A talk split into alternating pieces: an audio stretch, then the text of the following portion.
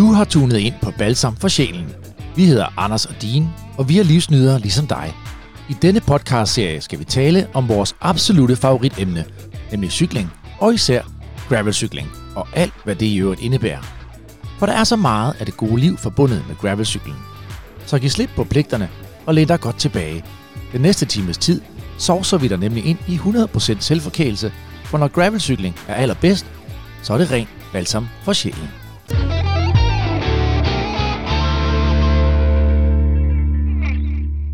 Hej Anders, Hej din.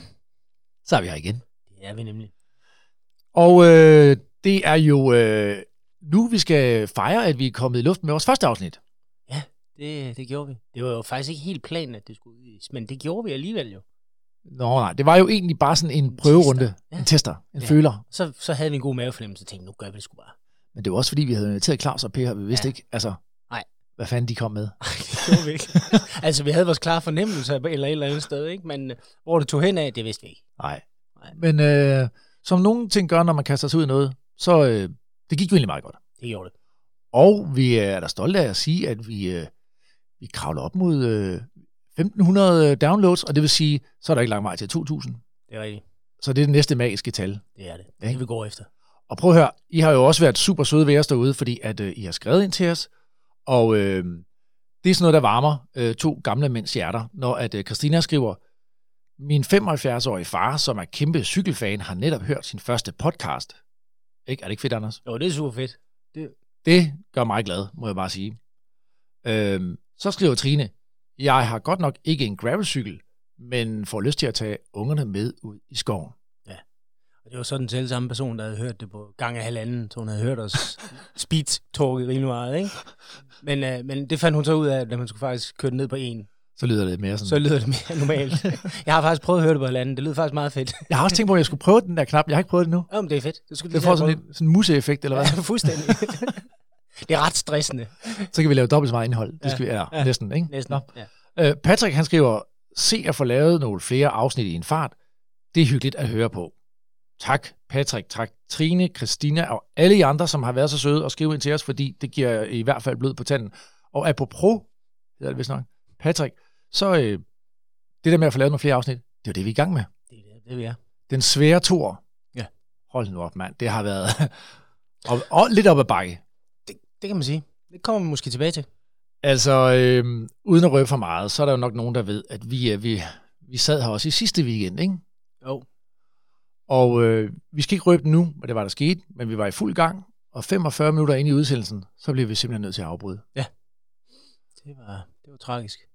Og øh, derfor så udløjede vi i løbet af ugen nogle kvejebajer Ja. på vegne af et eller andet, en eller anden herinde, som øh, lavede godt og grundigt ged i den. Ja. Så der er nogen derude i dag, der bliver belønnet med 12 skønne øl. Ja.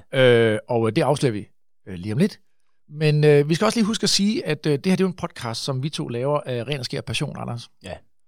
Og øh, der er jo ikke nogen af os, der er på nogen måde er eksperter. Vi er bare glade for at køre gravel, og øh, alt det, der hører med til gravel-oplevelsen. du ved, de gode øl, øh, kaffen, oplevelserne og alt det der.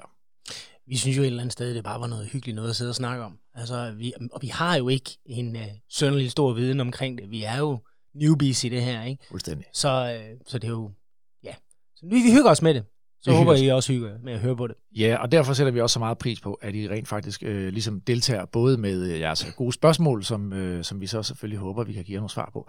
Men prøv at høre, så bare for at deklarere den fra starten, vi må godt stille dumme spørgsmål. Ikke også, Anders? Åh, oh, er du sindssyg? Helt vildt. Ellers så rykker vi os ikke. Ja.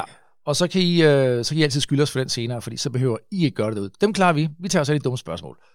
Prøv at høre, øh, og det her med konkurrencer, det er noget, vi kommer til at fortsætte med, fordi vi synes bare, det er rent ud sagt skide sjovt Ja. ja. og øh, dele ting ud, som folk godt kan lide, og øh, vi kan godt lide at interagere med jer derude, lyttere, så derfor så har vi tænkt os at fortsætte det øh, nærmest hver eneste gang. Og øh, det er lidt ud fra det der koncept, at gravel, det er noget, vi giver til hinanden. Ja, det er det nemlig.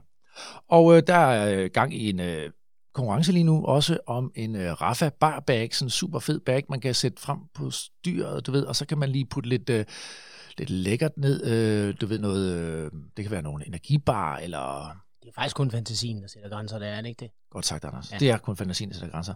Og den, øh, den kan man vinde, og øh, det er noget med, at man skal sende sit billede ind til os af sit, øh, sit yndlingssted, eller en god øh, oplevelse ude på ruten. Øh, noget, der har balsam for sjælen, og vi har allerede modtaget mange billeder øh, fra jer. Super fede billeder, vi lægger nogle af dem op, men øh, I skal simpelthen bare øh, tagge os med øh, vores øh, Instagram, som er øh, balsam for sjælen underscore dk, og det er altså med AE, balsam for sjælen underscore dk med AE i stedet for E. Og, øh, og så må I også meget gerne skrive øh, Rafa underscore Copenhagen, fordi så bliver de også så glade. Igen, vi får ikke noget ud af det, det er bare, du ved, god stil. Øh, vi har gaver til jer, ja. og øh, forhåbentlig er det noget, I kan bruge. Det tænker jeg. Jeg vil da gerne have sådan en bar bag der. Det er det. Og så, så slutter vi den næste gang. Næste gang udkoger vi en vinder, ikke? Næste gang, så finder vi ud af, hvem der har vundet den. Men nu skal vi, øh, vi skal videre i det, og jeg vil bare lige øh, samle op på et citat, som jeg faldt over her øh, på nettet den anden dag, hvor en skriver, Gravel for mig er livsnyderi på en cykel. Muligheden for at nyde skønne udsigter. At komme steder hen, hvor jeg får lyst til at trække vejret dybt, og hvor jeg tænker, livet er sgu meget godt. Det, det synes jeg bare, det indkapsler det rigtig godt. Det er fedt. Det er skide godt. Ikke? Nå, men øh, skal vi ikke kaste os så, så småt ud i Anders? Vi skulle have haft Mads Christensen på besøg i vores afsnit 2, den tidligere professionelle cykelrytter. Han blev desværre syg, og vi skal lige starte med at sige, han er ikke syg med coronavirus, men han fik en ganske almindelig feber og måtte aflyse. Og så var det jo så, at vi ringede øh, til øh, to andre i stedet for, ja. øh, og, og i ordet replacements, fordi det svarer faktisk lidt til, at øh, hvis man nu havde booket øh, Volbeat til en koncert, og så ringer de lige der, du ved, øh, dagen før og siger, vi kan sgu ikke komme. Nej. Og så får man fat i Ramstein. Det er sgu nok meget god øh, er det ikke det? Jo, det, den, den holder faktisk. Ej, jeg synes, jeg har også, altså, jeg har også optur altså, jeg vil sige, at jeg var ganske enkelt øh, rystet over, at det kunne lade sig gøre, og, og få dem på plakaten så hurtigt. Ved du hvad?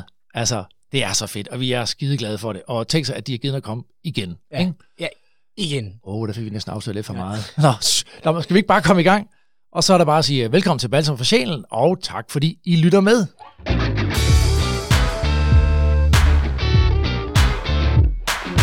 I dette afsnit af Balsam for Sjælen byder vi velkommen til to absolute sværvægtere. I det blå hjørne, med en kampvægt på hele 61 kilo, fordelt på 175 cm, har vi manden, der har gentæsket samtlige single tracks nord for København. Han er ung, kæk og en fandens dygtig mekaniker. Selvom han har kørt mountainbike på eliteplan i fire år, så er han, ifølge ham selv, bedre til at skrue end til at træde vat. I 2017, kun 23 år gammel, blev han medstifter af den trendy og succesfulde Cykelbæks Cranks and Coffee i Klampenborg. I de hyggelige omgivelser serverer han kaffe til strandvejsriderne og holder deres cykler i topform. Hans egen cykel derimod lider lidt under manglende opmærksomhed, for kunderne kommer altid i første række. Gravelcyklen udfylder en vigtig rolle i hans liv, for var det ikke for den, så er han sikker på, at han vil blive diagnostiseret med galopperende ADHD. I det røde hjørne har vi en rigtig led stodder på 37 sommer. Med sine 185 cm og en kampvægt på 68 kg, er han manden, man måler sig op imod, når det kommer til fart på grusstierne. Han har kørt på det danske landshold i cykelcross, og i flere år var han medarrangør af det populære crossløb Sonjør CX Cup. Han har vundet Grejstadsløb, Gravel og Three Back Roads, og så har han flere gange ligget i top 3 i både Dirty Jutland og Hansens i cykelløb. Han er ikke bare en hurtig rytter, han er også en gudsbenået mekaniker. Sidstnævnte rolle har landet ham en ny plads på landsholdet i cykelcross, hvor han nu sørger for, at rytternes cykler altid står klar til kamp. I år åbnede han sit nye servicekorsværksted Rule Number 4 her i København, hvorfra han kaster sin magi over sine kredsende kunder. Der er med andre ord lagt godt i kakkeloven til dagens afsnit. Tag godt imod Emil Brandt og Jakob Linse!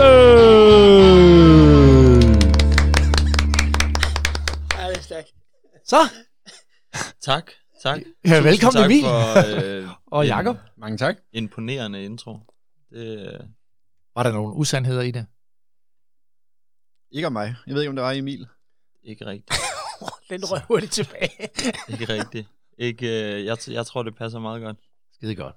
Prøv at høre, vi, vi spiller lidt på den her rivalisering, ikke? Som, øh, som der måske er nogen, der forventer, at der findes her i rummet mellem jer to. Ikke sådan lidt ondt blod. Er det ikke rigtigt? Jo, jo, klart. Der, er, der er så meget. Det er ondt, og det er koldt. Ja, lige præcis. Altså, nu kan vi jo godt afsløre, at I har jo siddet her. Der er jo totalt déjà vu over det her i dag, ikke? oh. ja. Oh, og vi har faktisk ikke ja, snakket sammen siden der. Nej, nej. Det er, og, og sidste gang, øh, da vi sad her i, i forrige weekend, så havde Emil øh, en eller anden... Hvad var det, Andersen havde med i vækkeur i lommen? Hvad fanden var det? Hvad, ja, det, var, det var det, ligesom hver gang, at Jakob begyndte at sige noget rigtig, rigtig klogt, så begyndte Emils øh, vækkeur at ringe. og det, ja, det var en meget bevidst handling, det er jeg i tvivl om. Jamen, altså, man, der er aldrig nogen, vi snakker cykling, der er aldrig nogen, der sådan reelt har vundet på færre kår. Altså, man bliver nød, man snyder det, man kan. og øh, altså, alt, Gælder- her, gælder- gælder alt, det her også? i, alt her i livet er en konkurrence. Også gælder der gravelcykling? Nej. Jo. Nej, jo, der snyder man også. Altså, der er jo ikke single tracks for sjov. Det er jo sådan, det er jo sådan du snyder fra en grusvej til en anden grusvej. Gravel i sit sådan, koncept handler jo om at køre den mest effektive vej igennem landskabet, og ikke den, øh, ikke den der er nogen, der har fortalt en, at man skal tage. Sådan. Så det er vel bare en lang snyde cykeltur. Hvad siger du, Jacob? Eller en lang omvej. Snyder du? Har du snyder til nogle af de her resultater, du har fået? Nej, jeg føler faktisk bare, at jeg er blevet snydt. Nå, oh, det, jamen det kan... Det, jeg ved godt, hvad Jacob mener der. Ja, Snakker Det er vi noget, det er noget det, det, vi snakker motionsfinten. Ja. Er det ikke rigtigt, Jacob? Jo, sådan noget med at hive rytter ind fra udlandet, det synes jeg ikke er, det er ikke fair. Nå, men jeg tænker meget specifikt faktisk på øh, dine, dine gode resultater, og derovre i Dirty Jutland, der har jeg hørt noget om, at øh, jeg må, man må, må man godt sige navn. ja, ja. For så kan Jacob altid fortælle, om det er sandt eller ej. ja, ja det. Altså, at øh, var det Benjamin Justesen, eller Bundgaard, Thomas. Det var Thomas, ja. Det var Thomas. Jeg har hørt, at han... Øh, og der er lige noget, du ved, han skulle lige kigge ned ad cyklen, du ved ikke, og så får han lige trillet over startstregen sådan et par minutter efter jer andre.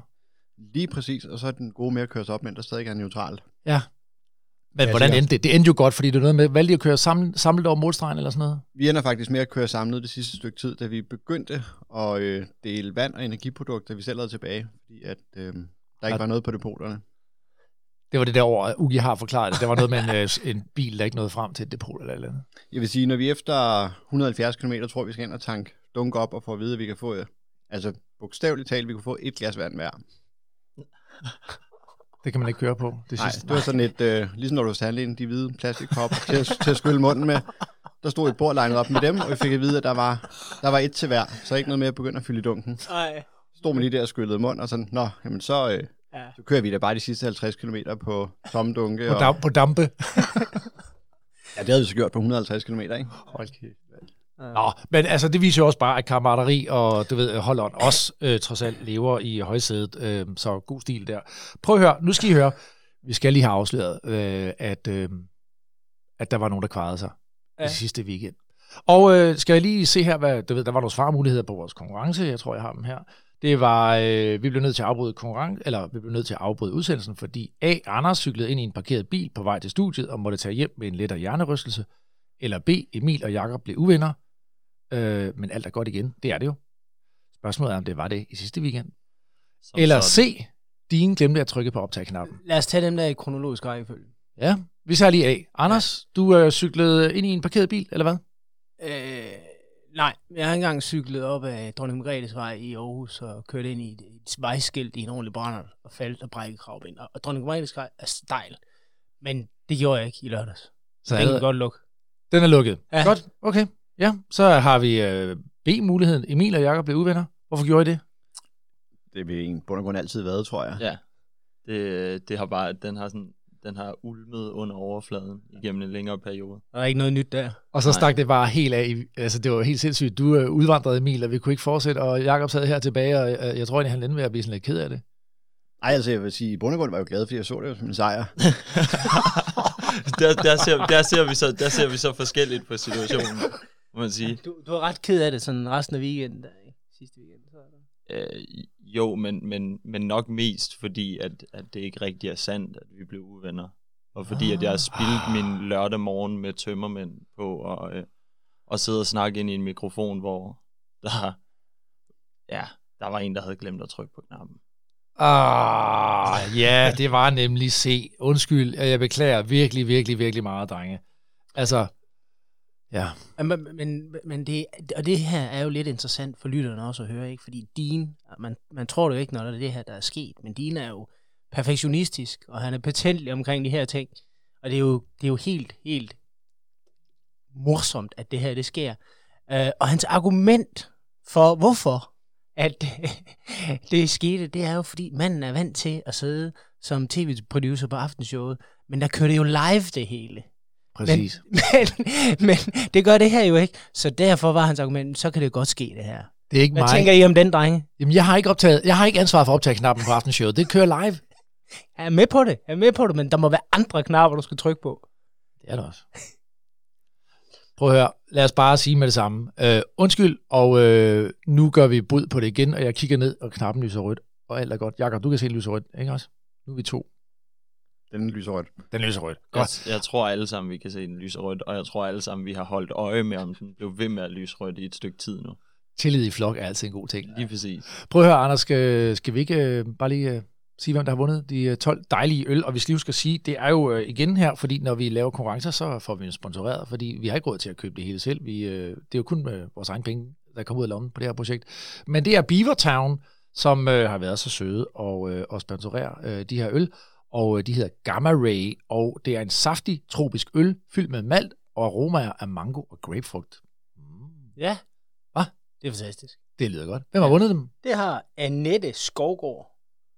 Annette Skovgaard, Simpelthen. tillykke. Du får øh, 12 øh, lækre specialøl sendt ud. Ja, men hun må lige skrive til os, hvor Du må- hun bor og sådan nogle ting. Så her. Det er nok en fordel. Ja. Det kan være, at øh, Jakob kan tage dem med på hans næste gravelrunde, du ved, øh, hvis du bor i, øh, hvor langt ude? København og omegn? Inden for Sjællands grænser, så kommer Jakob med dem.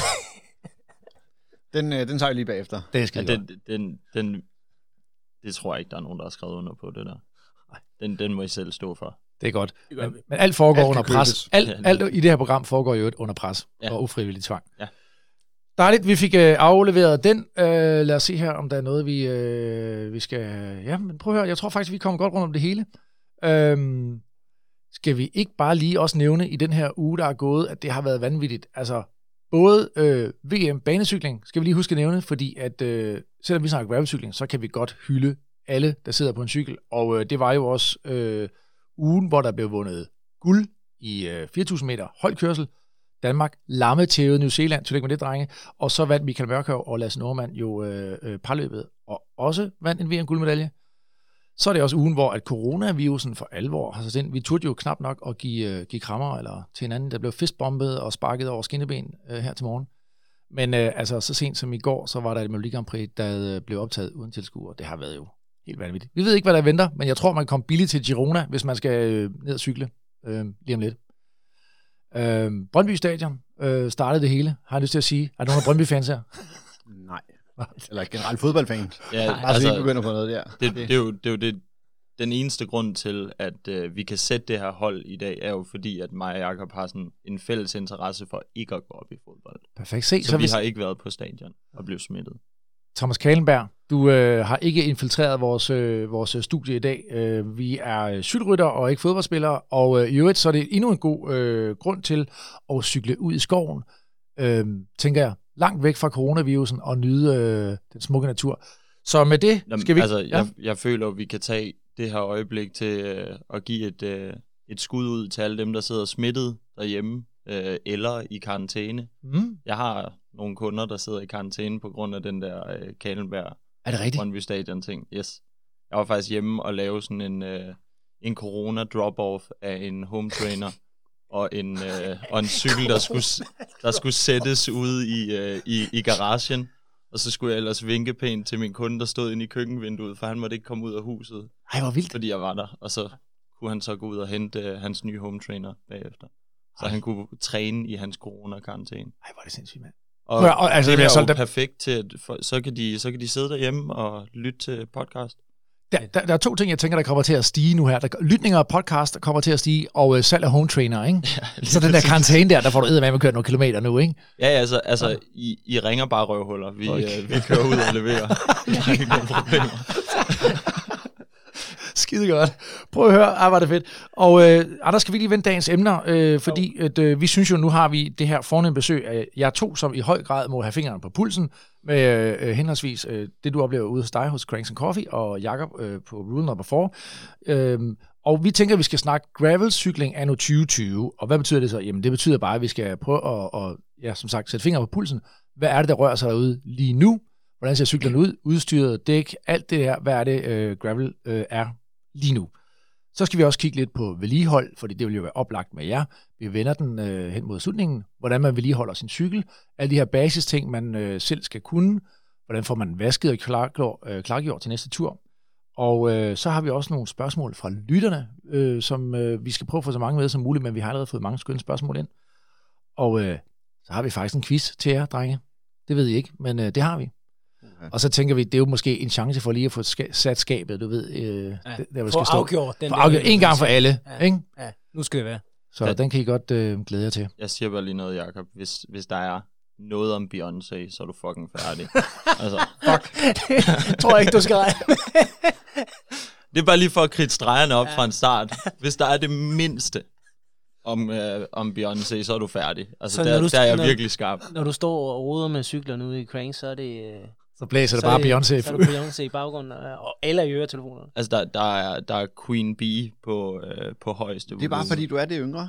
Ja. Jeg tror, jeg mere, Ja. jeg skal Ja, men, det, men den, det, det kommer vi tilbage til. Nej, det nej, der. nej, det- altså, det er det, it's that ass. Altså, det er, det er kun derfor. Godt så. Hvad, hvad, hvad, hvad, hvad, hvad, hvad har vi i højtalerne ude i rule number 4? Det er faktisk meget blandet. Gustav Winkler? Nej. Nej, han er faktisk ikke rigtig på, på repeaten. Men øh, ej, altså Ramstein kunne faktisk godt ryge på en Ja. Sådan, ja. Men Sådan. øh, jeg prøver at tænke en lille smule på, hvad mine kunder måske gider at høre. Oh, jo, men det er det det øjeblik, hvor man lige står alene med cyklerne, og der ikke er nogen kunder i bæksen. Så kan den godt lige få fuld volumen der, ikke? Men prøv, der er så travlt, så der er aldrig et, der er et stille øjeblik. Fedt, mand. Sådan. Altså, Prøv at høre. jeg, jeg forestiller mig primært, at det er det, The Imperial March, der spiller op hos dig. Sådan lidt. Altså, det, det passer bare meget godt til øh, sådan den der Darth Vader-lignende figur, du har i cykelsporten. Høj, slank og mysterisk. Fedt. Ja, sådan. Fantastisk. Prøv at høre, du, præsen- du præsenterede faktisk Jacob bedre, end jeg gjorde. Ja, det må Ja, man sige. Med sorry. ganske, med ganske få ord. Nå, venner, vi har... Øh, vi bliver har, fedtet. Ja, prøv, det bliver skide godt. Øh, vi kommer rundt om, øh, hvad vi skal snakke om, så øh, skal vi ikke bare komme i gang?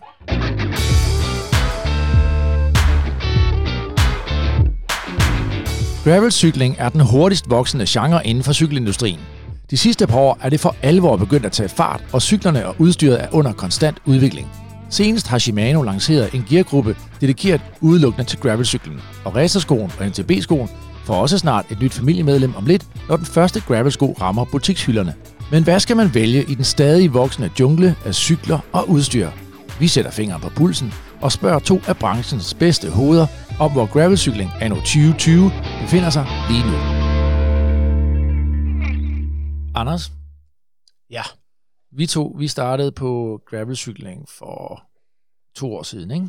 Jo, startede vel egentlig med at køre cross. Men uh, det blev Ja, det gjorde vi. Ja. Men nu, nu kører vi faktisk mest gravel. Der er ikke så meget med at slæbe, øh, du ved, øh, Nej, det er kun afmærkningstape og trekanter og alt muligt andet med ud i naturen længere. Det er, det, det er over. Det er kun, når Katsman han trækker os ud i et eller andet underligt krat et sted. vores gode gamle ven Katsmand, ja. præcis. Men prøv at høre. Øhm, der, der er et godt spørgsmål lige nu. Det er, hvor, øh, hvor er gravel hen lige nu? Fordi det, det flytter sig jo hele tiden, ikke? Jo. Øhm, hvor er det henne for dig? Jamen, jeg, jeg, jeg tror, vi, har, vi sagde det også sidste gang, men, men jeg synes jo egentlig, det der Per Brunse sagde, det her med, at uh, gravel er det, man selv gør det til, den er jo sådan meget sigende. Altså, fordi herinde i rummet i dag, der sidder der jo også nogle med nogle vidt forskellige holdninger til det. Jeg ved, Jacob han vil bare gerne køre noget race. Og for mig er det sådan en blanding mellem at øh, køre hygge mig, og også køre ud og udforske, og så en gang imellem køre lidt stærkt. Så det er sådan en blanding. Så det bestemmer man sådan set selv. Det er sådan set min grundfilosofi i det her. Der synes jeg, du fik øh, rammet det meget smukt ind, fordi at, øh, det, det er fuldstændig, som Per han sagde, at øh, gravel det er der, hvor man tager det hen. Det Ja. synes jeg. Og sådan har jeg det faktisk også. Jeg ligger, jeg ligger godt nok altid, men det gør jeg også med landevej. Jeg har både den der øh, fartjævel i mig, jeg kan også bare godt lide at komme ud og, og have en hyggetur. Det afhænger også lidt af, hvor, hvor man har været hen i løbet af ugen, at man har man været lidt stresset på jobbet, eller et eller andet, så er det måske bare, du ved, ud og, og høre noget fuglekvider og sidde på en bænk og drikke en god kop kaffe, eller øh, har man det der, du ved, overskud i benene, så skal man måske bare ud og få fyret den af. Så den kan gå begge veje. Men øh, skal vi lige prøve at høre, vi kan starte, øh, nu kan vi køre ud og svare. Emil, du sidder derovre, hvad, hvad, øh, lad os først høre, gravel, hvordan kom du i gang med gravel? Jamen, øh, jeg tror sådan meget naturligt for de fleste, der har kørt gravel i lidt længere tid end, end bare, et, øh, bare et par år, så kommer jeg fra cross. Øh, jeg har kørt mountainbike, og så var det sådan en naturlig vintertræning at køre cykelcross, og køre cykelcrossløb, og øh, lime en masse lukkede ringe, og have det sjovt med det. Og så, øh, så da, vi, øh, da vi startede caféen, så begyndte den her gravel-ting at boble. Øh, og så kunne vi jo altså vi kunne se, at øh, cross-ting var der ikke den samme interesse for, som der var, og den interesse, der var, blev ligesom mættet af Jakob, og, og hans butik på det tidspunkt, Sonjør. Så det ville være lidt dumt at, og, øh, at prøve at konkurrere der. Og så tog vi egentlig, øh, hvad hedder det, gravel-ture til os i stedet for. Og øh, bear in mind, at det stadigvæk var gravel på den måde, at, at jeg nu lige kunne, øh, kunne transformere øh, hvad hedder det, min, min kørestil, og hvordan, hvordan jeg havde lyst til at køre på cykel til, til gravel. For det, altså, jeg kommer aldrig til at ligge og kun tråkke store, fede, øh, manikørerede stier. Det, det synes jeg simpelthen ikke er sjovt. Fordi du kommer fra mountainbike-baggrunden også, ikke? Jeg kommer til at kede mig. Øh, som, du, som, du, som du har sagt i en af dine mange jingler, så, øh, så tror jeg simpelthen, at jeg vil få... Øh, at, at jeg, vil, jeg, jeg, ville, jeg ville få diagnostiseret ADHD, hvis jeg ikke kunne komme ud og, og brænde lidt ud på et single track en gang imellem. Øh, så derfor var, øh, derfor var gravel fedt for mig, og så er det jo sådan en, en ting, at, at vi kan se, at folket har taget virkelig, virkelig imod. Øh, og der er ingen tvivl om, at der kommer, altså vi har folk, som kommer til at køre mere gravel end landevej hen over sommeren, og det havde, altså dem var der ikke nogen af for et par år siden. Altså der var, der kørte man mountainbike om sommeren, hvis man ville i skoven, øh, og så kørte man landevej. Øh, men altså gravel har jo bare gjort, at, at der er nogen, der har lyst til at se skoven hele året rundt i stedet for. Så det, det er ikke længere bare den der vintertræning der, som det var engang? Nej, øh, det, det, det tror jeg ikke, det er. Altså, det er en kultur i sig selv nu. Det kan man jo se uden for landets grænser, at, øh, at det er kæmpestort. Så det vil også være underligt, hvis det ikke kom til Danmark. Men det var meget det samme, som, som mountainbike var for nogle år siden. Altså, der var på et tidspunkt, mountainbike var sådan en vintertræningsting for de fleste. Øh, men fordi sæsonen lå i sommeren, så, så er det jo en sommerting. Ikke? Øh, og sådan er det også med gravel nu, tror jeg, at man, man ser folk, der enten kører lidt af hvert og lidt af det hele, mm. eller så ser man folk, der ligesom honer ind på det, de bedst kan lide. Og der er gravel jo en fed ting, fordi den har lidt af det hele fra alle verdener. Ikke? Jakob, hvad med, hvad med dig? Jamen, jeg kommer jo helt oprindeligt fra, fra crosssporten tilbage der i slut 90'erne, for den gang Janis kørte, og ikke bare, hvor han var historier, som for nogle herrer sikkert, der ikke kan huske dengang, han var live. Jeg cyklede ikke dengang. Jeg var knap nok født. Præcis. Havde du ikke sådan en uden, øh, uden pedaler på, hvor man kunne sparke sig frem? Den der røde med den blå forgaffel, sådan en lille scooter med de gule hjul. Ja, helt Bakkecykel? klart. Helt klart. Er du sindssyg, mand? Den har, altså, der er, sind, stadig. der er sindssygt mange kilometer tilbagelagt i uh, Horsens og omegn der, det kan jeg fortælle dig. Det kan Være, være, de det, få, der den, fik, øh, rent faktisk fik skiftet hjul på sådan en, fordi de var slidt op. Ja, nå, men altså, den eneste grund til, at jeg kørte på den, var fordi den har de der hårde plastikhjul. Og Horsens er jo sådan, der, er- der er lidt glasgård og sager, så derfor så, så kunne den ikke punktere, og det var genialt. Snedigt. Snedigt. Lige præcis. Nå, så røg vi væk fra den igen. jeg, jeg, jeg, tænker, det kommer, jeg, jeg, det kommer til at ske et par gange. Den her. Det kommer til at ske et par gange. Det er godt. Skal jeg hive dig tilbage på sporet, Jacob, eller øh, øh, Vi kører direkte tilbage på, på sporet? på sporet. Ej, øhm, kommer oprindeligt fra, fra crossen, og øhm, hele konkurrenceelementet, det er egentlig i bund og grund det der, det helt benhårde i det, som crossen er. Det er, øh, det synes jeg var rigtig fedt. Og så rigtig meget træning foregik jo i skoven, så typisk var der også noget transport til og fra. Og hvis man kunne komme væk fra, fra landvejene der, så var det jo et stort plus.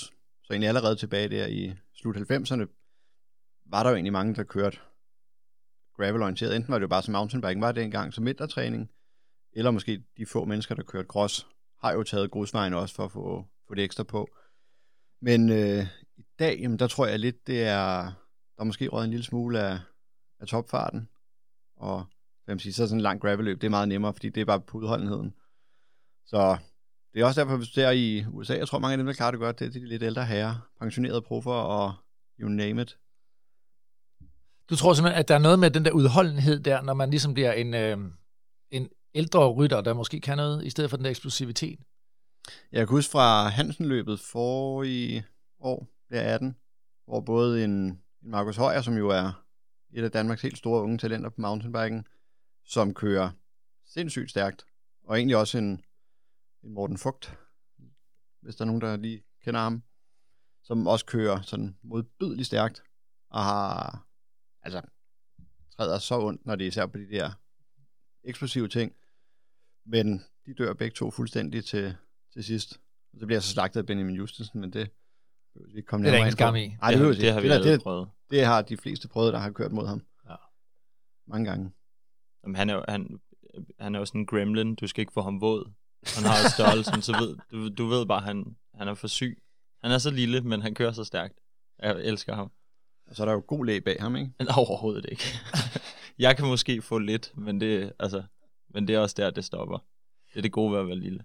Men, men prøv at høre, jeg synes jo, at, at det er også noget, vi skal tale om i dag, fordi at øh, I er måske overrepræsenteret i dag, jer der gerne vil give den et gas øh, på grusstierne. Jeg er sikker på, når vi øh, hiver øh, Brunse tilbage i studiet og skal snakke lidt bikepacking, så går han nok mod, måske lidt i den anden retning. Men så fair nok, så der findes jo netop mange måder at dyrke gravel på i dag, og jeg tror, Anders, når jeg sådan sidder og læser, hvad folk skriver og sådan noget ude på de her Facebook, Facebook-grupper, så tænker jeg, hold da op, mand. Altså, øh, det ene øjeblik, så bliver man ligesom argumenteret over mod øh, øh, en eller anden form for gravel-oplevelse, øh, hvor man tænker, det er fedt. Og så pludselig skriver en anden bruger, men man kunne også køre sådan her, og så tænker jeg, nå ja, det kunne man også. Og sådan gælder det også med udstyret, man kan blive trukket i alle mulige retninger med gravel, og det er jo det der tilbage til, gravel er, er hvad man gør det til. Men når vi nu har jer siddende, så løber oplagt lige at, at spørge ind til den her del af konkurrenceelementet. Jakob, især, du øh, har jo kørt og vundet Grejsdalsløbet, øh, gravel-afdelingen der, ikke? og Three Back Roads, og Dirty Jotland har du kørt med, og Hansen is øh, cykelløb. Hvad synes du, der er det fede ved at køre konkurrence-gravel? Hvis vi tager den sådan, det jeg egentlig synes, der er det fede ved gravel, det er, at i min optik, så er der plads til, til både øh, det hyggelige og konkurrenceelementet. Over i USA, der har de det så fint, at de kalder det The Mullet Protocol. Det er håret med, med det, altså der er business in the front, og så er det party in the rear. Og det er egentlig det, jeg synes, der er fedt ved gravel, og som faktisk, synes jeg, falder en lille smule væk her i Danmark i øjeblikket. Hvor der går lidt for meget social ride over den. Og ja, der sker et eller andet, når der kommer nummer på. Fordi i bund og grund, jeg kan ikke til den anden ende af landet, eller stå tidligt op om morgenen og træne i dårligt vejr, for at køre en hyggetur med folk, jeg ikke kender. Men du, har, du, du nævnte også for mig, da vi talte sammen på et tidspunkt, du siger, at der er jo, altså man kan jo sagtens gå ud og køre, og der er plads til alle. Så man kan godt se ud en lørdag sammen. De fem for os, de vil bare gerne ud og køre race, så skal de da bare stikke af. Og så kan, som du siger, uh, business in the front, party in the back, og så dem, der, der, der kører bag os, de kan køre social riding, ikke? Jo, fuldstændig, fordi altså personligt for mig, der godt vil lære at køre om kap, jamen der går ikke noget af, jeg får ikke en dårlig oplevelse af, at der er nogen, der kører langsomt og nyder turen og tager nogle fede billeder og stopper op og bruger en halv time på et depot. Og jeg tror, hvis du spørger den gruppe, om deres tur blev dårligere af, at vi var i en flok tosser, der lå og kørte om kap forrest, så tror jeg, svaret vil være det samme. De har haft en lige så fed tur, uanset hvad. Ja, det påvirker ikke mig synderligt meget, når jeg ser nogen, der suser forbi mig.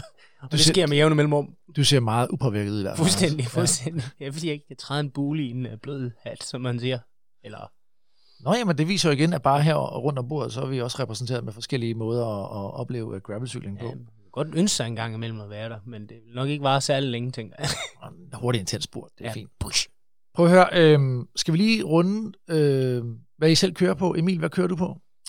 Jeg kører på en øh, Trek Crockett, mener den hedder. Deres øh, billigste aluminiumsramme for et par år tilbage. Øh, og den er, den er egentlig jeg har så samlet den op med dyrt udstyr, fordi det var, øh, jeg, jeg blev malig, og ville gerne have, at den var lidt lækker også. Så der sidder en Dura SD2 øh, gruppe på, godt nok med en, hvad hedder det, øh, en XTR bagskifter, øh, men elektronisk øh, one-by setup, store øh, brede dæk og så ellers bare derud af. One Hvor stor? Wise setup, hvad er det? det, altså, jeg, det er godt, vi skal huske det der med de dumme spørgsmål. Det, der, det, der, det, der er jo helt væk, når det kommer til det der. Når du ja, det der koder der. Jeg har, jeg har simpelthen uh, glemt at montere forskifteren, og så har jeg sat en, uh, en narrow wide klinge på, som er sådan en speciel klinge, som holder lidt på kæden, så man kan køre rundt uden forskifter, uden at tabe uh, kæden. Og så har man ikke den der, der sidder foran, der holder kæden. Nej, lige præcis. Og man har kun en enkelt klinge, og øh, det, det, det er sådan... Jeg, jeg, jeg troede alligevel, at du, at du var kommet mere med, at du kører trods alt på en åben. Jamen, men det er jo det, Emil. Det siger mig bare ikke rigtig noget af alt det der teknik. Anders han betaler sig bare fra det. Det er jo derfor, I, er, det er derfor, I har gang i business, ikke? Det kan vi jo komme tilbage til. Nå, men det, altså, det, men, øh, men jo, simpelthen one by at its purest. Det er fjern forskifteren, mindre bøvl, øh, meget mere, meget mere mollet der. Det er, øh, hvad er det, business in the front, aerodynamisk, pænt, party in the back, 11 gear at tage af, det er rigeligt. Hvad, hvad sad der på din kassette? 11 hvad? Og jeg tror, jeg har en 11.32 på lige nu. Nå, det er ikke så, øh, der er ikke så mange lave gear der. Nej. Øh, og så har jeg en 46 foran. Okay. Det skal ikke også en stor klinge. Jamen, jeg, jeg kører primært i Nordsjælland, det er ikke så bulet. Nej, okay. Men bare lige for, og, og, og jeg synes, og det skal lytterne, I skal også vide, at øh, vi kommer til at snakke øh, et klinge setup øh, senere i dag. Det lover vi, og vi kommer til at gå lidt i detaljen på den. Så det der med uh, narrow wide, det, det skal vi lige, uh, Det kommer vi, det kommer vi ind til, fordi det er ret væsentligt i forhold til, til et klinge setup. Er vi hele vejen rundt om cyklen der. Ja, Kører du carbon, aluhjul, hvad gør du? Øh, carbonhjul, jeg har nogle, sådan nogle DT, øh, hvad hedder det, carbonhjul på, Ja. ja. og så nogle, ja, 40, 40 mm øh, Pirelli Cinturato Gravel M. Så Og fik dæk. vi det hele med. Den skal vi også lige snakke om. Og Yes. er det de dæk, du viser mig ude i butikken, dem som Ja. du er? Prøv lige, prøv lige kort lige at introducere dem.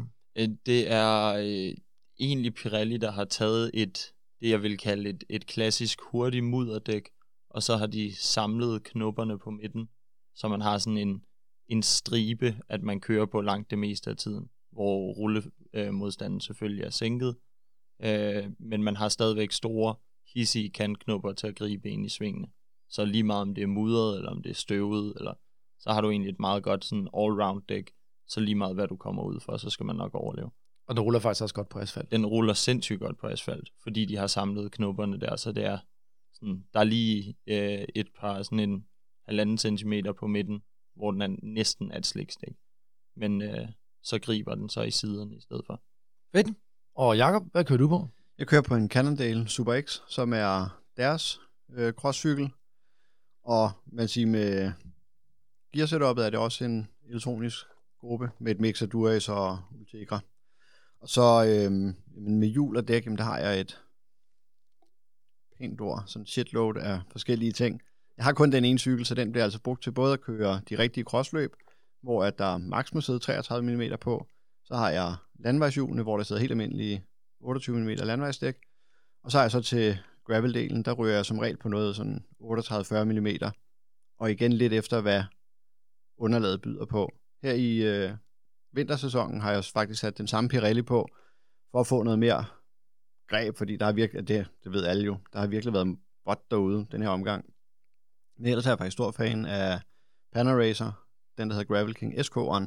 De har jo en hel serie af dæk inden for Gravel King modellen, eller hvad vi skal kalde den, hvor SK'eren er den, de fleste nok tænker på, når man siger Gravel King for Panaracer.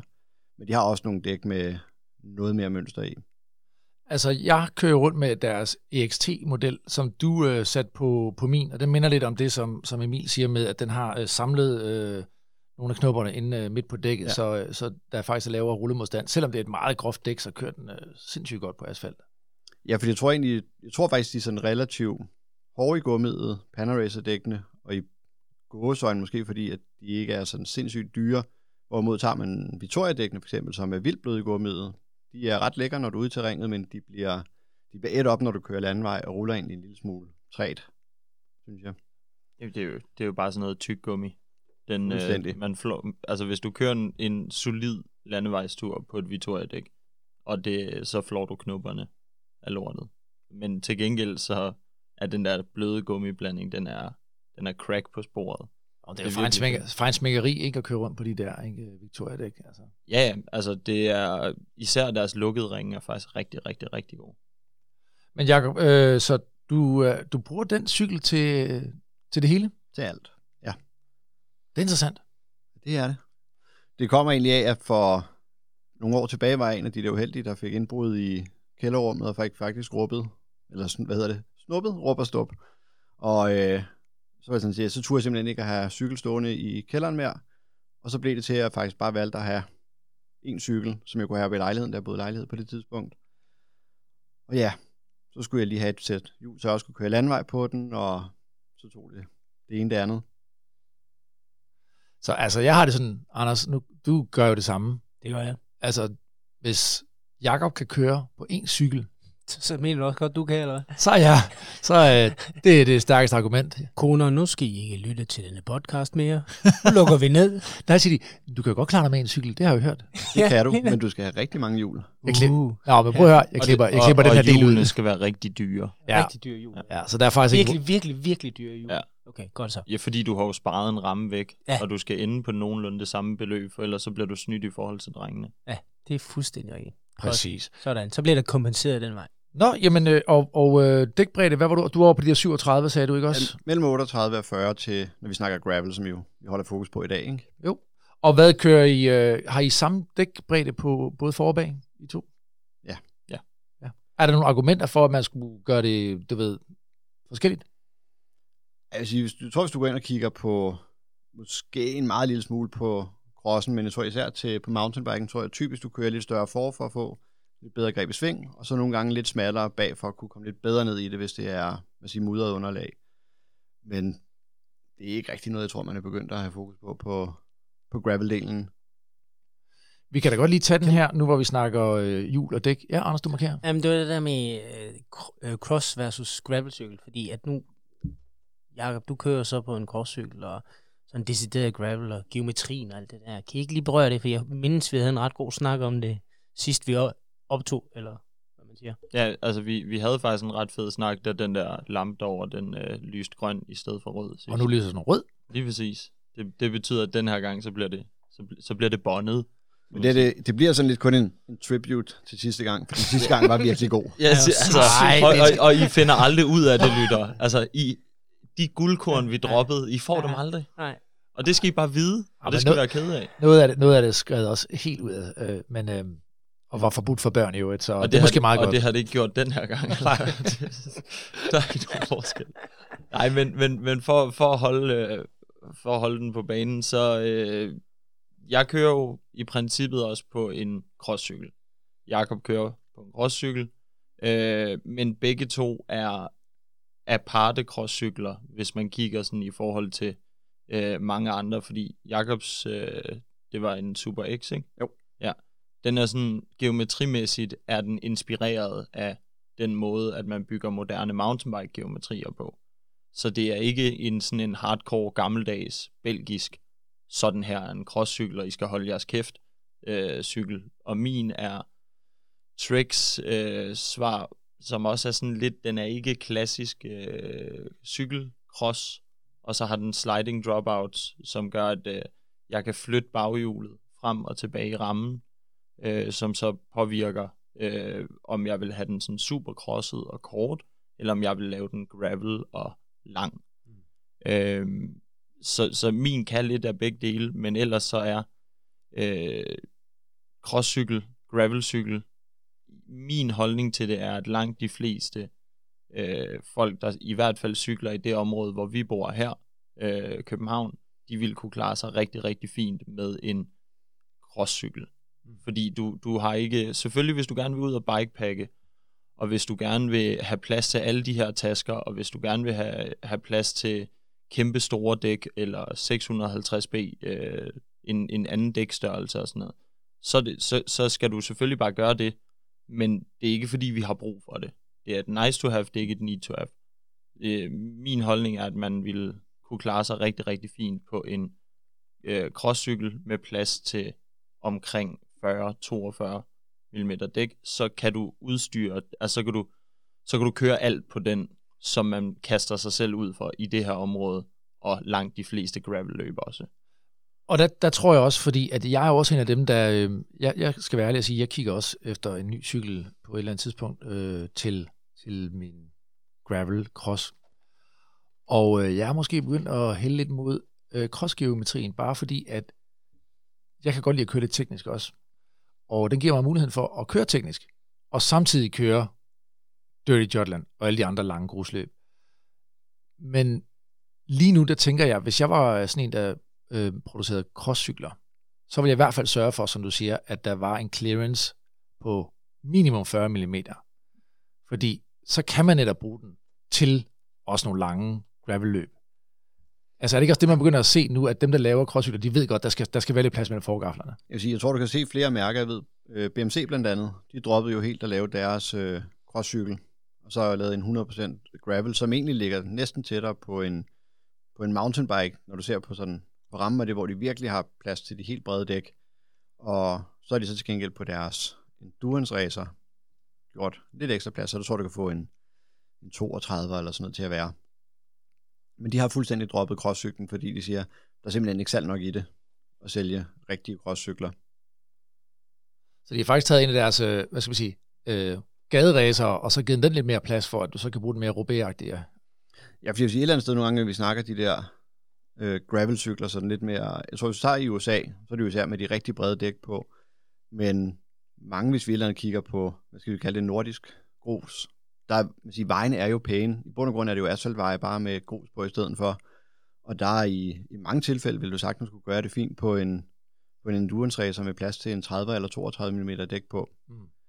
Men hvis man godt vil ud og køre lidt mere bumlet, og du godt vil køre lidt teknisk, så synes jeg, det er fedt, at man kan komme op omkring de 40 mm. Og det er jo også fordi, som skovene ser ud nu, hvis man kører ud, nu kan vi jo kun udtale os om det, øh, det sjællandske øh, klima herover. Øh, jeg har i hvert fald ikke kørt øh, i, i det jyske i den her årstid nu, men jeg går ud fra, at det ligner det, det samme derovre. Der er vådt, der er mudret, rødderne er super glatte derude, øh, og det, øh, det er så rart at, at køre med et lavt dæktryk og nogle brede dæk i skoven lige nu, så man, øh, man kan få noget greb og også øh, altså, kan komme hen over de her øh, våde rødder. Forholdsvis simpelt, synes jeg. Der, der er lige kartoffelrækkerne ude, øh, ude vestpå, hvor det er for sandet til at være vådt, men ellers så tror jeg, at hele landet er oversvømmet. Øh, det, det, er sådan, det er sådan min, øh, min statusrapport øh, må være på, på vejret her. Skal vi lige øh, øh, samtidig også lige vende øh, lidt tubeless her? Nu var vi inde og snakke øh, øh, dæk og sådan noget. Øh, tubeless for imod. Hvad siger du, Emil? Tubeless. Jakob? Øh, jeg vil faktisk gå så langt til at sige, at det er det eneste rigtige, når vi snakker gravel. Preach. Jamen lad os høre, hvorfor. Det er... Øh, det er jo, for mig var det en, har det været en... Øh, på papiret har det været en no-brainer, fordi at jeg kom fra mountainbike, hvor vi altså de sidste mange år har kørt, har kørt tubeless øh, med mere eller mindre held, og til sidst så ramte de den. Altså, øh, så, altså til sidst, øh, de sidste par landsholdsture, jeg tog med mountainbike-landsholdet, der skulle rytterne være sat op tubeless. Altså det, det fik de at vide. I kommer sat op tubeless, jeg vil ikke se nogen slanger. Altså I har knap nok slanger som reserve mere. Det hedder plugs, det hedder tubeless sealant, det, det er det, der virker. Mm. Øhm, så da det startede med at komme på cross, må jeg ærligt indrømme, der var jeg sådan lidt meget cross stadigvæk, så der var jeg øh, tubular og Bost, altså det var det eneste, du kunne køre, det var lukket ringe. Så begyndte jeg at køre langsomt, og så fandt jeg ud af, at det var faktisk pisse ligegyldigt, øh, og det var ret fedt at få noget, som var større end de der 33. Øh, og så, øh, så satte jeg nogle, nogle 40 mm sutter på cyklen, øh, smed lidt øh, tubeless snask i, og så har jeg ikke kigget mig tilbage siden. Altså jeg har vidderligt ikke haft en punktering hele den her sæson. Ikke jeg har opdaget i hvert fald. Hvad kører du med af dæktryk? Øh, I en 40 plejer jeg at køre to bar, og så lukker jeg ud, til det føles godt. Du også, men kampvægten var hvad? Den var... Den 61-62, øh, lidt svingende. Ja, så... Der er vi næsten din. Uff, ja. Skal jeg sidde en lang tid i sauna i hvert fald. ja, det, jeg, jeg snyder. Jeg, jeg glemmer at spise. Ja. Du ser nu sådan rask ud, i min. Jamen, det, det, altså, jeg er jo en lille lort. Men du er også kun 26 år gammel, mand. Altså. Lige præcis. Okay. Det skal nok komme. Altså, og ølvommen har jeg arbejdet på, den har bare ikke manifesteret sig endnu. Prøv når man er 26, så praller alt af på en. Altså. Ja, jeg er sådan, altså, fuld teflon. Piu, piu. hvad siger du, Jacob? Hvad er uh, tubeless? Hvorfor, uh, hvorfor kører du tubeless? Vi skal, skal vi være lidt konkurrenceorienteret? Ja, det skal vi da. Det skal vi. Det kører bedre. Det er meget mere behageligt at køre på. Det ruller også bedre. Så hvis vi tager en lille smule sådan den kedelige hat på, ikke? så er det det der med at punktere. Det er jo, øh, nogen har jo simpelthen en skræk i livet for, for at punktere. Det er næsten det værste, der kan, der kan ske. Det på, for det næsten til at lyde som på et niveau med at knække kæden, eller det er næsten, hvor min tur vil være aflyst. Det er også fordi, det er koldt, og man skal du ved, have handskerne af, og man bliver beskidt, og ja, det er noget knald, og folk står og kigger på en og sådan noget, mens man skifter dæk og sådan noget. Men det behøver du ikke, hvis tubeless er godt. Jamen, det er jo så, jeg tror, det er det, Jakobs ja. pointe nu, ikke? Vi kommer nemlig ind på det, fordi altså udover det, at det rent faktisk kører bedre, som er, synes jeg egentlig, grund nok alene til at vælge at køre tubeless, så er der altså også den der bonuseffekt ved, at øh, jamen mange af de der almindelige småpunkteringer, jamen det er over, et overstået kapitel med tubeless. Og skulle uheldet være helt ude, jamen så sætter du en slange i, og så er du fuldstændig samme sted, som hvis du fra start af havde kørt med dæk og slange. Nogle vælger jo tubeless fra, fordi de siger, ah, hvad hvis jeg får en punktering, som, som stilen ikke kan lappe? Jamen, hvis du havde kørt, har fået den punktering, den havde du også fået, hvis du havde kørt med slangen. Og så skifter du slangen, og på tubeless, hvis det ikke kan lappe, så sætter du en slange i. Så du har ikke lukket nogen døre ved at køre på, på tubeless. Hvis vi går tilbage, som Emil også nævner med altså tubular, altså de lukkede ringe til cross, der er det stadigvæk sådan gåsøjne det eneste rigtige, fordi der er man nogle gange nede og snakke så lavt tryk, og du kører, hvor dækket krænger meget, hvor tubeless stadig har svært ved at holde dæktrykket. Den laver det, der hedder bøbe, at den smider en lille smule luft, og der er vi så også nede og snakke, at du kører under halvanden bar. Og det er ikke, det er ikke lige nødvendigt på, på gravelløbene. at På, så på, en, på en 33. på en Det, det, er 33. sådan, Ja. det er meget, meget lidt luft. Der er to ting, jeg så godt vil uh, samle op på der. Det ene, det er den der, hvor du snakker nu om at være bøbe. Jeg kan næsten regne ud, det er noget, der sker øh, ned omkring øh, kanterne, hvor at luften så kan øh, sive ud, ikke, hvis stiktrykket bliver for lavt. Ikke? Øh, Det oplever jeg i hvert fald, hvis jeg kører på min egen tubeless, og jeg får en punktering. Og hvis jeg ikke er opmærksom på det hurtigt nok, og for meget luft ligesom kommer ud, så slipper den øh, fælden Ja. en lille smule. Og det vil sige, så bliver den utæt der. Og der er det det der med, at man skal have den, hvad, hvad, hvad er det rigtige udtryk for? det? Man skal ligesom have smidt den op på fælden igen. Ikke? Skal Man den, skal, Du skal have den seeded. Ja, og den, den skal siles, og det skal den have et ordentligt gang lufttryk der, så den ligesom springer op og sætter sig fast igen, ikke? Ja. Og det kan man ikke bare lige gøre med en, øh, med en håndpumpe. Der skal, der skal Så skal noget... du være hurtig på aftrækken. Der er måske nogle af de unge drenge, der godt kan. Altså, jeg gjorde det selv med en håndpumpe. Ja, det bliver du ved med at sige. Ja, ja. Og nogle af dem i et forhold. Men Ja, Anders, ja, jeg vil sige, det, det, det, det, er det der, tilbage til det der, vi snakkede med konen og børnefødselsdag Ja. tidligere. Ja. jamen, Anders, alle, alle Anders kræfter, de sidder i overkroppen. Prøv at se på ham. ja, men det Han ligner ham der fra den der, du kender ikke den der, de utrolige, det der tegneseriefilm? Ja. Ja. Du ved, meget små ben, Ja, ja, det- kæmpe store øh, Han mangler, muskler. han Det gør mangler Emil nok ikke, men, øh, men vi andre ved godt, hvad det er for en. Bare, jo, jeg ved, jeg ved det godt. Så ung er jeg. Grusom med mig. Gud, ja, nej, nej, også det, det er rigtigt. Det kan man godt se. godt med mig, det, du er slet ikke på den rigtige film her. Hvem fanden har ikke fanget den? Altså, Nej, det var bare Et- en... Øh, 1-0 derovre. ja, okay, godt så. Nå, men prøv at høre, øh, skal vi lige prøve at tage den så bare, fordi så står man derude, øh, og øh, man, øh, der er sket det, at ens øh, dæk begynder at bøbe, og man har tubeless på, eller hvad det nu hedder. vi, vi, skal, vi skal lige have skilt den der ad. Okay. Og bøbe er egentlig bare, at du, øh, hvis du har haft en punktering, Ja. eller du kører ud med for lavt dæktryk, hvis du rigtig volder den rundt i et sving, så vrider du dækket en lille bitte smule, og så åbner det op for øh, der, hvor dækket er seedet. Bare lige i et, i et kort sekund, Ja. så du taber en lille bitte smule luft. Så Ja. det er egentlig sådan en, en selvforskyldt punktering, fordi du Ja. lukker luft ud ved at køre Okay. for hårdt ind i svingen. Men konceptet er det samme, det her med, at du, hvis du kører på tubeless, og den, den, den rører af den, sin Ja, men, sidning. men det, det gør den ikke her. Du kan godt køre videre. Den hopper op igen efter svinget, Okay. så du har bare tabt noget luft. okay. Men, men hvis uheldet er helt ude, Ja. ja. og du punkterer så meget, og du har et relativt stramt dæk på en bred fæld, så er der risiko for, at den hopper af sit seat. Ja. Når, hvis du er ude at køre, Mm. så er det noget lort. Altså, så, så, er det, så er det næsten nemmere at bare smide en slange i der, okay. og så sørge for det, når man kommer hjem til en rigtig fodpumpe. Eller så kan man købe sådan nogle øh, store og, øh, og puslige gaspatroner, hvor du så kan, eller har en kompressor derhjemme. Der er forskellige måder at gøre det på. Men, men øh, hvis den gør det ude på sporet, øh, man kan godt seede den igen med en CO2-patron, men langt de fleste sealenter har det faktisk ikke særlig godt med CO2. Øh, så derfor er det, er det en, det er ikke sundt for tubeless, at du bruger CO2. Så øh, hvis du endelig bruger det, så, så er mit råd i hvert fald, det sekund man kommer hjem, så skal man lukke luften ud og pumpe det op med luft i stedet for CO2. Fordi silindrene reagerer dårligt med, med CO2'en for det meste. Altså den der øh, øh, løsning der med at bruge en øh, CO2-patron til at skyde den op med, der øh, prøvede jeg ved at skrue øh, ventilkejlen af, så der simpelthen var, var direkte øh, Yes. adgang med luft, øh, og så skød jeg øh, CO2-patronen ind, og så satte øh, dækket sig, Yes. og så skruede jeg så ventilkejlen i, og så, og så puttede noget luft i. Det er i hvert fald, øh, det kan holde en kørende måske, hvis, man Ja. er, hvis, man, hvis det sker ude på ruten, ikke? Det- Men som du siger, kom hjem og få fyldt noget rigtigt Ja, luft lige i. præcis. Skift, skift luften, og generelt altid lad være med at prøve at sige det dæk, uden at have pillet, øh, hvad hedder det, ventilkejlen ud. Mm. Det kommer højst sandsynligt ikke til at ske. Ja, for luften kan ikke komme hurtigt nok ind. Nej, du kan gøre det på, du kan gøre det på nogen mountainbike dæk, eller et stort, sådan 650B gravel dæk. På nogen af dem kan du. Øh, men, men generelt set, så, så er det meget nemmere, hvis man lige piller ventilkejlen ud, fordi så er der, altså, så er der ren gennemstrømning, om man vil, og så er det meget nemmere at få en stor mængde luft ind, som er det, det hele handler om.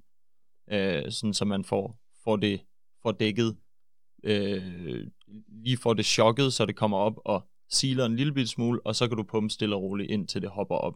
Man skal selvfølgelig passe på, når, det, når den mangler den sidste, aldrig gå over, hvad der, hvad der står på, på siden af dækket, slet ikke på moderne, øh, tubeless ready, hookless fælge. Det, så vil du kunne finde ud af, hvorfor du ikke skal stå og lave det hjemme på stuegulvet. Ja, lige præcis. Jeg havde faktisk, jeg havde en her den anden dag, øh, hvor jeg, øh, øh ja, jeg ved ikke, jeg ved ikke lige, hvad jeg, jeg havde ikke lige tænkt over, hvad det var for et dæk, og for en fæld, jeg stod og var ved at pumpe op, og den manglede lige det sidste, og, og jeg kunne godt mærke, at den blev sådan lidt hård. Det var faktisk en landevejs tubeless på sådan en, øh, på sådan en bred indvifæld. Jeg kunne godt mærke, at den blev lidt hård, og så da jeg står og pusser silenden af og bukket ind over det her setup, øh, med en klud, så lige pludselig så siger det bare bang. Ej. Altså så højt, så jeg, det står bare og sådan synger for ørerne af mig. Og jeg står der nærmest i sådan en tåge af, af, af fordampet silen, Ej, for... og føler mig helt granatchokket. og jeg kan se nede i den anden ende af caféen, der står der bare sådan, der står der en kødrand af mennesker, der står sådan 5-6 mennesker i kø for kaffe, der bare kigger sig over skulderen og tror, de er i Afghanistan. Altså, det var, Jeg vil sige, hvis jeg har set filmen med, med Mr. Bean, hvor han skal male, øh, det er meget, det er nogenlunde samme scenarie, at væggen også ser ud bagefter. Der er sådan en pæn silhuet af en. Kan man få silen i forskellige farver, så er det måske meget smart. Det kan man godt. Det kan man... Øh, milket, så kan du få sådan lidt øh, blålig hvid med lidt øh, blå sparkles i. Hvis du kører orange seal, så er den orange med sølv sparkles. Ja, men altså, Det er, lækkert. altså, det er Men- rigtig flot. Jeg vil så sige, jeg formåede at gøre det, uden at få noget som helst silen på tøjet eller skoene, eller mig selv. Men jeg fik decideret lakeret den cykel, der hang på stativet. Altså den, det, det var, og, og sealant alle, til alle, der er punkteret, og har prøvet at have det her sealant til at sprøjte op på cyklen, det er irriterende at få af i første omgang. Har du, godt, har du, godt, har du godt tricks? Ja, øh, min bedste løsning er at øh, få taget det af så hurtigt som muligt. Det kan man jo ikke, når man er ude på sporet. Men det der indtørret, der sidder bagpå, øh, en lille bitte smule brake cleaner på en, øh, på en klud, så, øh, så plejer det at ryge af ret nemt. Det er, hvis det sidder på, på cyklen. Ja. Hvad, hvad hvis det sidder i tøjet? Hvis det sidder i tøjet, det er fucking irriterende. Øh, det Det er er, tøj hos Cranks and Coffee, så det er bare nyt nyt. Ja, lige præcis. Man, øh, man Så kommer er det bare nyt for hylden. Der er, vi, har lige, øh, vi har lige droppet den nye Panamal-kollektion, I kommer bare ned og henter. Det, ej, der er... Øh, man kan faktisk... Øh, jeg har brugt rensebenzin til at få det af. Øh, sådan de største skjolder, jeg har haft på. Øh, så lig kun det stykke af tøjet i blød øh, i noget rensebenzin. Så, øh, så, kan det, så kan det tage det værste. Ja. Øh, ikke i for lang tid. Det er ikke, det er ikke noget, der er sådan kemikalier og tøj er, er generelt en dårlig idé, men men bare lige, øh, hvad hedder det, lægge det lidt i blød, og så lige knuppe det, og så ellers bare en god vask, så burde det, det værste være af. Jeg går tilbage til øh, den øh, pointe, du havde med, at, øh, at folk siger, at så skal man stå derude med tubeless, og hvad så hvis det punkterer, og det bliver helt slemt, og, og så videre. Og du så siger, jamen prøv at høre her, altså alternativet var, at du skulle have stået og skiftet slangen fire gange, ikke? Yes. Og, og det er præcis min pointe, fordi ja, alting kan gå galt, og, og alting kan også gå rigtig galt, men altså 9 ud af 10 gange, når jeg har kørt, så ser jeg små hvide silendprikker på dækket, så ved jeg, okay, der har været en punktering, og det lapper sig selv. Og nogle gange skal jeg ikke engang stå af cyklen. Men mange af dem bliver jo, der er selvfølgelig alle de der punkteringer, du aldrig nogensinde opdager, fordi den faktisk måske ikke engang når at smide noget, fordi hvis du får en lille bit sten i dækket, så vil silenden jo lynhurtigt også forsejle rundt omkring den. Så er der de der punkteringer, hvor det lige får kørt et par omgange og får forsejlet. Der var du også punkteret med, med en slange. Så kan der nogle gange komme den der nummeret større, hvor den faktisk ikke helt vil stoppe, mens du kører. Så er det første, man forsøger, det altid lige at stoppe op og vende hullet nedad. Så kan silenden lige få lov til at... vi lige stå og vugge dækket lidt, eller hvordan? Ja, så kan det få lov til at samle sig nede ved, ved hullet. Og man siger, next step, jamen det er jo så, at du begynder at smide sådan en, en plug i. Der er et masse forskellige systemer. Jeg synes personligt, at Dynaplugs er de, er de nemmeste at bruge, fordi den fungerer som en syl. Preach. Så selvom hullet i bund og grund ikke er stort nok til pluggen, så kan du stadig godt få den presset ned igennem. Og så er du også bare kørende igen, når silen lige får lappet det aller sidste. Og i alle de her fire tilfælde, der har du skulle stoppe og skifte en slange, hvis du kørte med, med dækkerslangen. Præcis. Får du så et større cut, hvor et plug ikke virker, eller den har fået et, et cut i siden, hvor silen har svært ved det, jamen så stopper du op og skifter en slange. Men de fire andre tilfælde, der er du altså kørende i løbet af no time.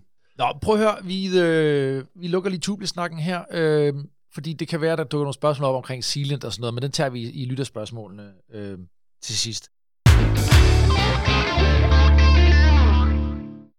Men skal vi lige prøve at spørge, altså Anders, jeg, jeg tænker da også nogle gange, altså vi kører rundt, også to på nogle alu håndhjul, som vi er vildt glade for at køre på. Øhm, de er til at betale sig fra, og altså, fred være med det, hvis jeg skulle øh, smadre et ude på øh, ruten, så, så er det overkommeligt. Hvad siger I, alu eller carbonhjul øh, til den almindelige øh, cyklist ude i skovene? Det kommer jeg selvfølgelig, har du pengene, så er det bare at give den, give den gas. Personligt er jeg egentlig rigtig meget til de sådan, man siger, klassisk håndbyggede hjul. Det vil sige, at du vælger et, vælger et nav, hvad man vil have der, så vælger du en fæld, og så selvfølgelig nogle E'er alt efter, hvad, hvad man vil have, det skal kunne holde til. På måde, når du bygger hjulsæt op på den måde ud, indtil at du kan få noget mega lækkert, der kører rigtig godt, men det fede ved det er, at du i bund og grund kan smadre alt og nemt få det repareret. Hvis du nu for eksempel køber et sæt Mavic øh, Cusuriumhjul eller et eller andet, jamen så øh, altså, ryger der en, en eger, så er det både bøvlet og dyrt. Og hvis du måske om et par år, at der ryger en fæld, så er det rigtig dyrt, og måske så bøvlet, hvis du ikke kan få fat i fælgen, og så står du med et hjul, du i bund og grund bare kan kassere. Men et hjulsæt, det vil sige bygget op på et par, især DT-nav er jeg kæmpe fan af, fordi at det er, det er stort set ikke til at smadre, og du kan reparere alt på det. Og så en, en god fæld og standard er. Så, øh, så synes jeg virkelig, du er, har et, et lækkert setup, der også ja, kører pis godt. Og prismæssigt kan du godt hamle op med øh, den her, øh, øh, de her hjul, som også er masse fremstillet. Øh, kan du godt det på de håndbyggede hjul?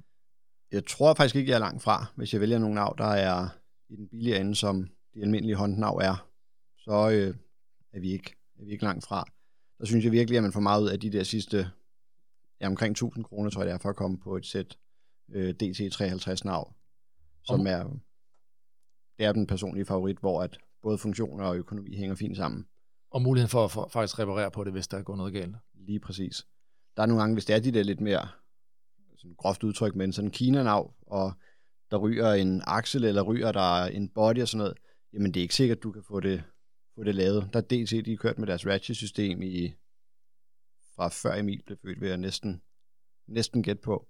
Det er tæt på i hvert fald. Ja, jeg kan ikke det præcise årstal, men jeg kan huske, at jeg havde en kammerat tilbage i, jeg tror det er sådan noget 697, der, får, der bygger et sæt hjul til landvej, og det havde Ratchet-systemet dengang. Og det har de faktisk øh, ja, ikke ændret på. Og Mavic er lige begyndt at prøve at kopiere det. Så Mavic er blevet bedre på deres navn, men ikke stadig ikke langt fra lige så godt. Mavic har lavet øh, finden og øh, øh, skille et, øh, et Chris King nav ad, og skille et øh, DT Swiss nav ad. Og så har de simpelthen tvunget dem til at have samleje, og så det, der kom ud, det var, øh, det, var det nye Mavic nav. Og det, og det er en bastard. Altså det, Hvad det, fungerer det? det er bedre end deres gamle nav, men øh, altså, franskmændene er underlige, og så siger jeg ikke mere. Jeg, sige, jeg, øh, prøv, jeg kører Citroën, jeg ved alt om, at franskmænd er underlige. Skal vi sige, altså jeg tror, at Mavic er faktisk en af de der, sådan et rigtig godt eksempel på, at det fungerer rigtig godt, indtil det går i stykker.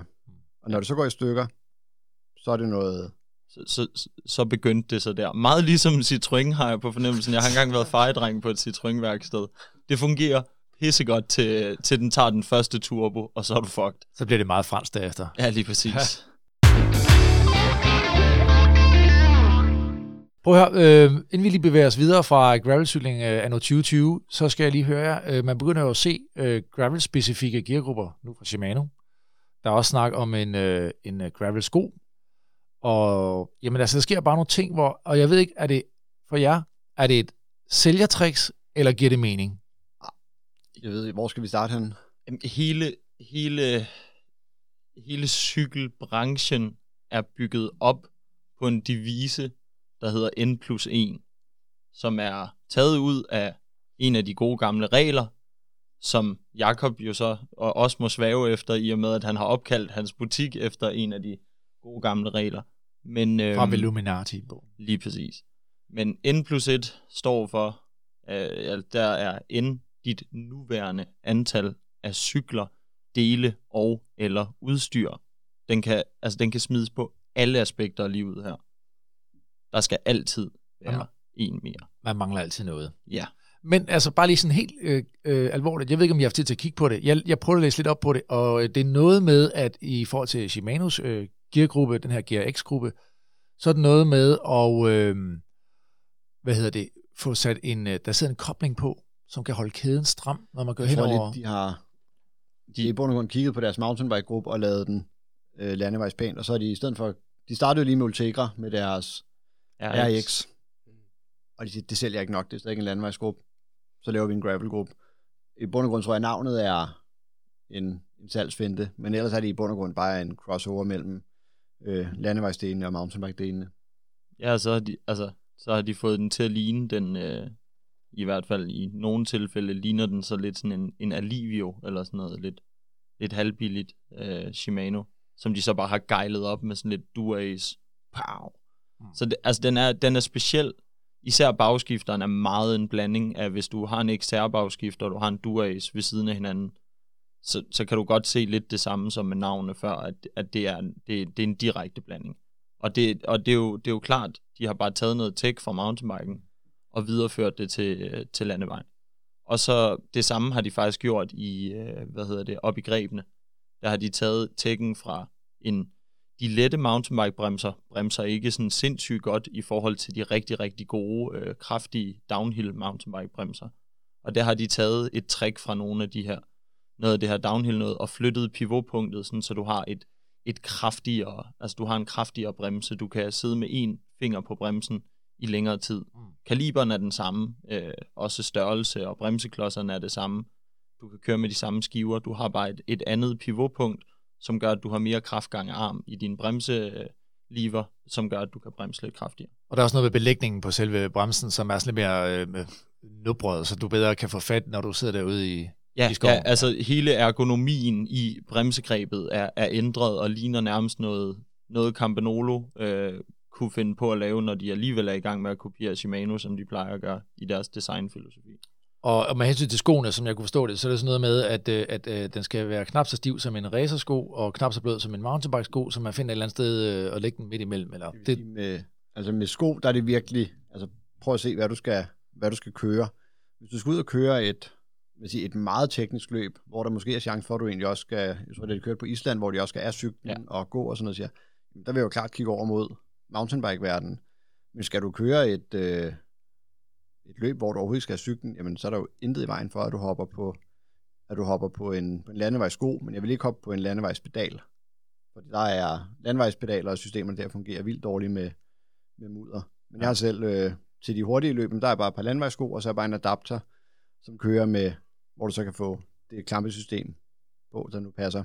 og det er for at få overført så meget kraft til, til pedalerne som muligt, at du kører landevejsskoen. Jo, så en, det er den ene ting, men så også er det jo væsentligt lettere sko, da du ikke har hele siger, sålen med knopper og det. Du har, ikke, du har ikke alt det ekstra palaver, at de har tilført. Men ellers, så man kan komme langt med bare... Altså hvis du gerne vil have en raced sko, som også kan holde til, at du går lidt i den, og generelt, vi- hvis vi fjerner løb fuldstændig fra det, så er den mest alsidige sko er en mountainbike-sko. Og hvis du går dyr mountainbike-sko, altså topsko, så får du noget, der tit og ofte er næsten lige så stift som landevejssko, der fitter lidt på samme måde. Klamperne kan ikke sidde helt på samme måde. Altså du har en større justerbarhed på, på klamperne, hvis man laver det setup med Jakob med at sætte en adapter på. Så, så kan du flytte lidt mere på klamperne, alt efter hvordan den adapter er lavet. Men, men ellers så vil jeg sige, jeg kører, jeg kører i en tre år gammel S-Works mountainbike sko, øh, og med Shimano SPD øh, pedaler. Det fungerer rigtig, rigtig godt for mig. Men jeg kan godt se, altså der er også der er nogen, der kører lange gravelløb i landevejsklamper og pedaler, fordi at du har en bedre trædeflade, og du ikke bliver så træt i foden af at køre, øh, hvis du kører de rigtig, rigtig lange løb. Men hvis et løb er rigtig langt, så er der også chance for, at du ikke er så meget af cyklen. Og så kan man godt, jeg vil ikke råde nogen at prøve på speedplay, så kommer du aldrig i igen, hvis du har været klikket ud. Nej. Men en, en åben loop pedal og en SPD SL kan, man, altså, kan du godt komme, komme i, hvis du lige sparker klamperne af. Ikke? Øh, og det er et, et godt trick til de lidt længere løb, hvis man hvis man lider af at få ondt i, øh, ondt i fødderne på de længere løb.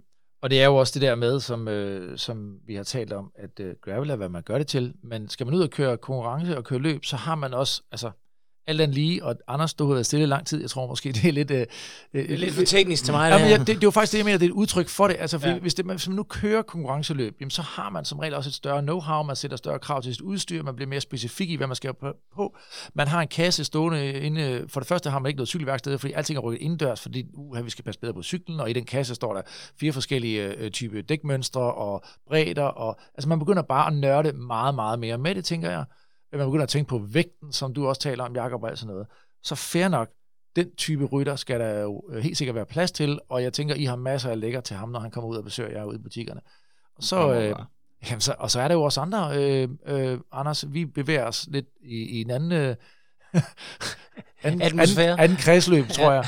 Jamen, jeg tror, hvis du kigger på, altså på cyklerne til et hvilket som helst gravelløb, jamen jeg tror, du finder jo lige så dyrt og lige så billigt finder du jo i, man siger, i begge ender af, af feltet. Både for dem, der kører for oplevelsen og hele det sociale, og så i den anden ende med de hurtige folk. Altså du ser rigtig mange hurtige folk på forfærdelige cykler. De har måske købt en rigtig dyr cykel for nogle år tilbage, men de har ikke brugt, de har ikke brugt meget tid, og de har ikke brugt mange penge på den siden. Ja, altså, den som, som, som devisen var fra start, gravel er præcis, hvad du gør det til.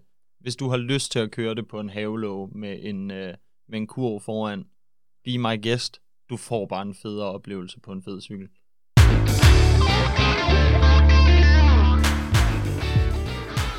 Kære lytter, du har lyttet til første del af afsnit 2. Hvis du har mod på mere, så hop straks videre til anden del, hvor vi taler om vedligehold af cyklen og svarer på spørgsmål fra lytterne. God fornøjelse.